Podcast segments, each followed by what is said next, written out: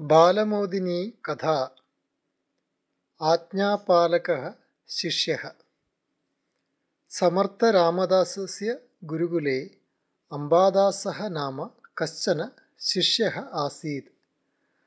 अप्रतिमा गुरुभक्तिः तस्य। अतः एव तस्मिन् रामदासस्य विशेषप्रीतिः आसीत्।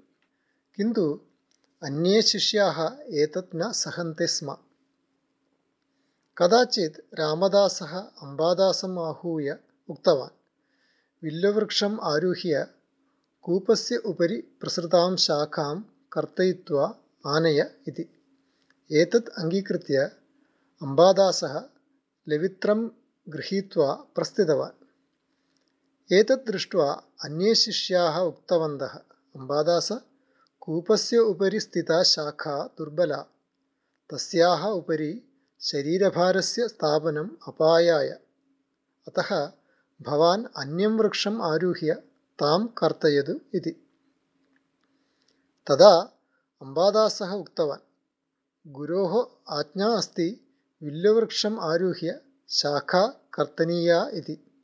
अतः अहं तथैव करोमि परिणामविषये न कापि चिन्ता मम इति अनन्तरं सः विल्लवृक्षम् आरुह्य शाखायाः कर्तनाय उद्युक्तः।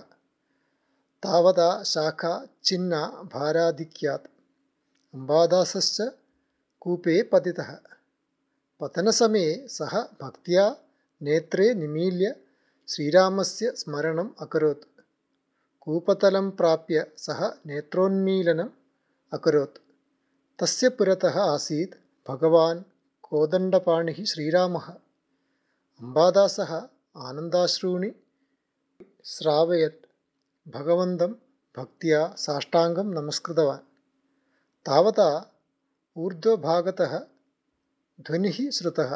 अयि अम्बादास अपि कुशलम् इति।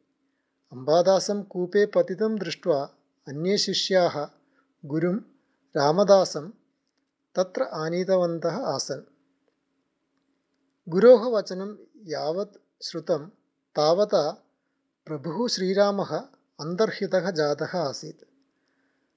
अम्बादासः उच्चस्वरेण अवदत् आचार्य समस्ति मे कल्याणम् इति। ततः सहपाठिभिः प्रेषितायाः रज्ज्वाः सहायेन सः उपरि आगतः। सकुशलम् उपरि आगतं शिष्यम् आलिङ्ग्य अवदत् रामदासः।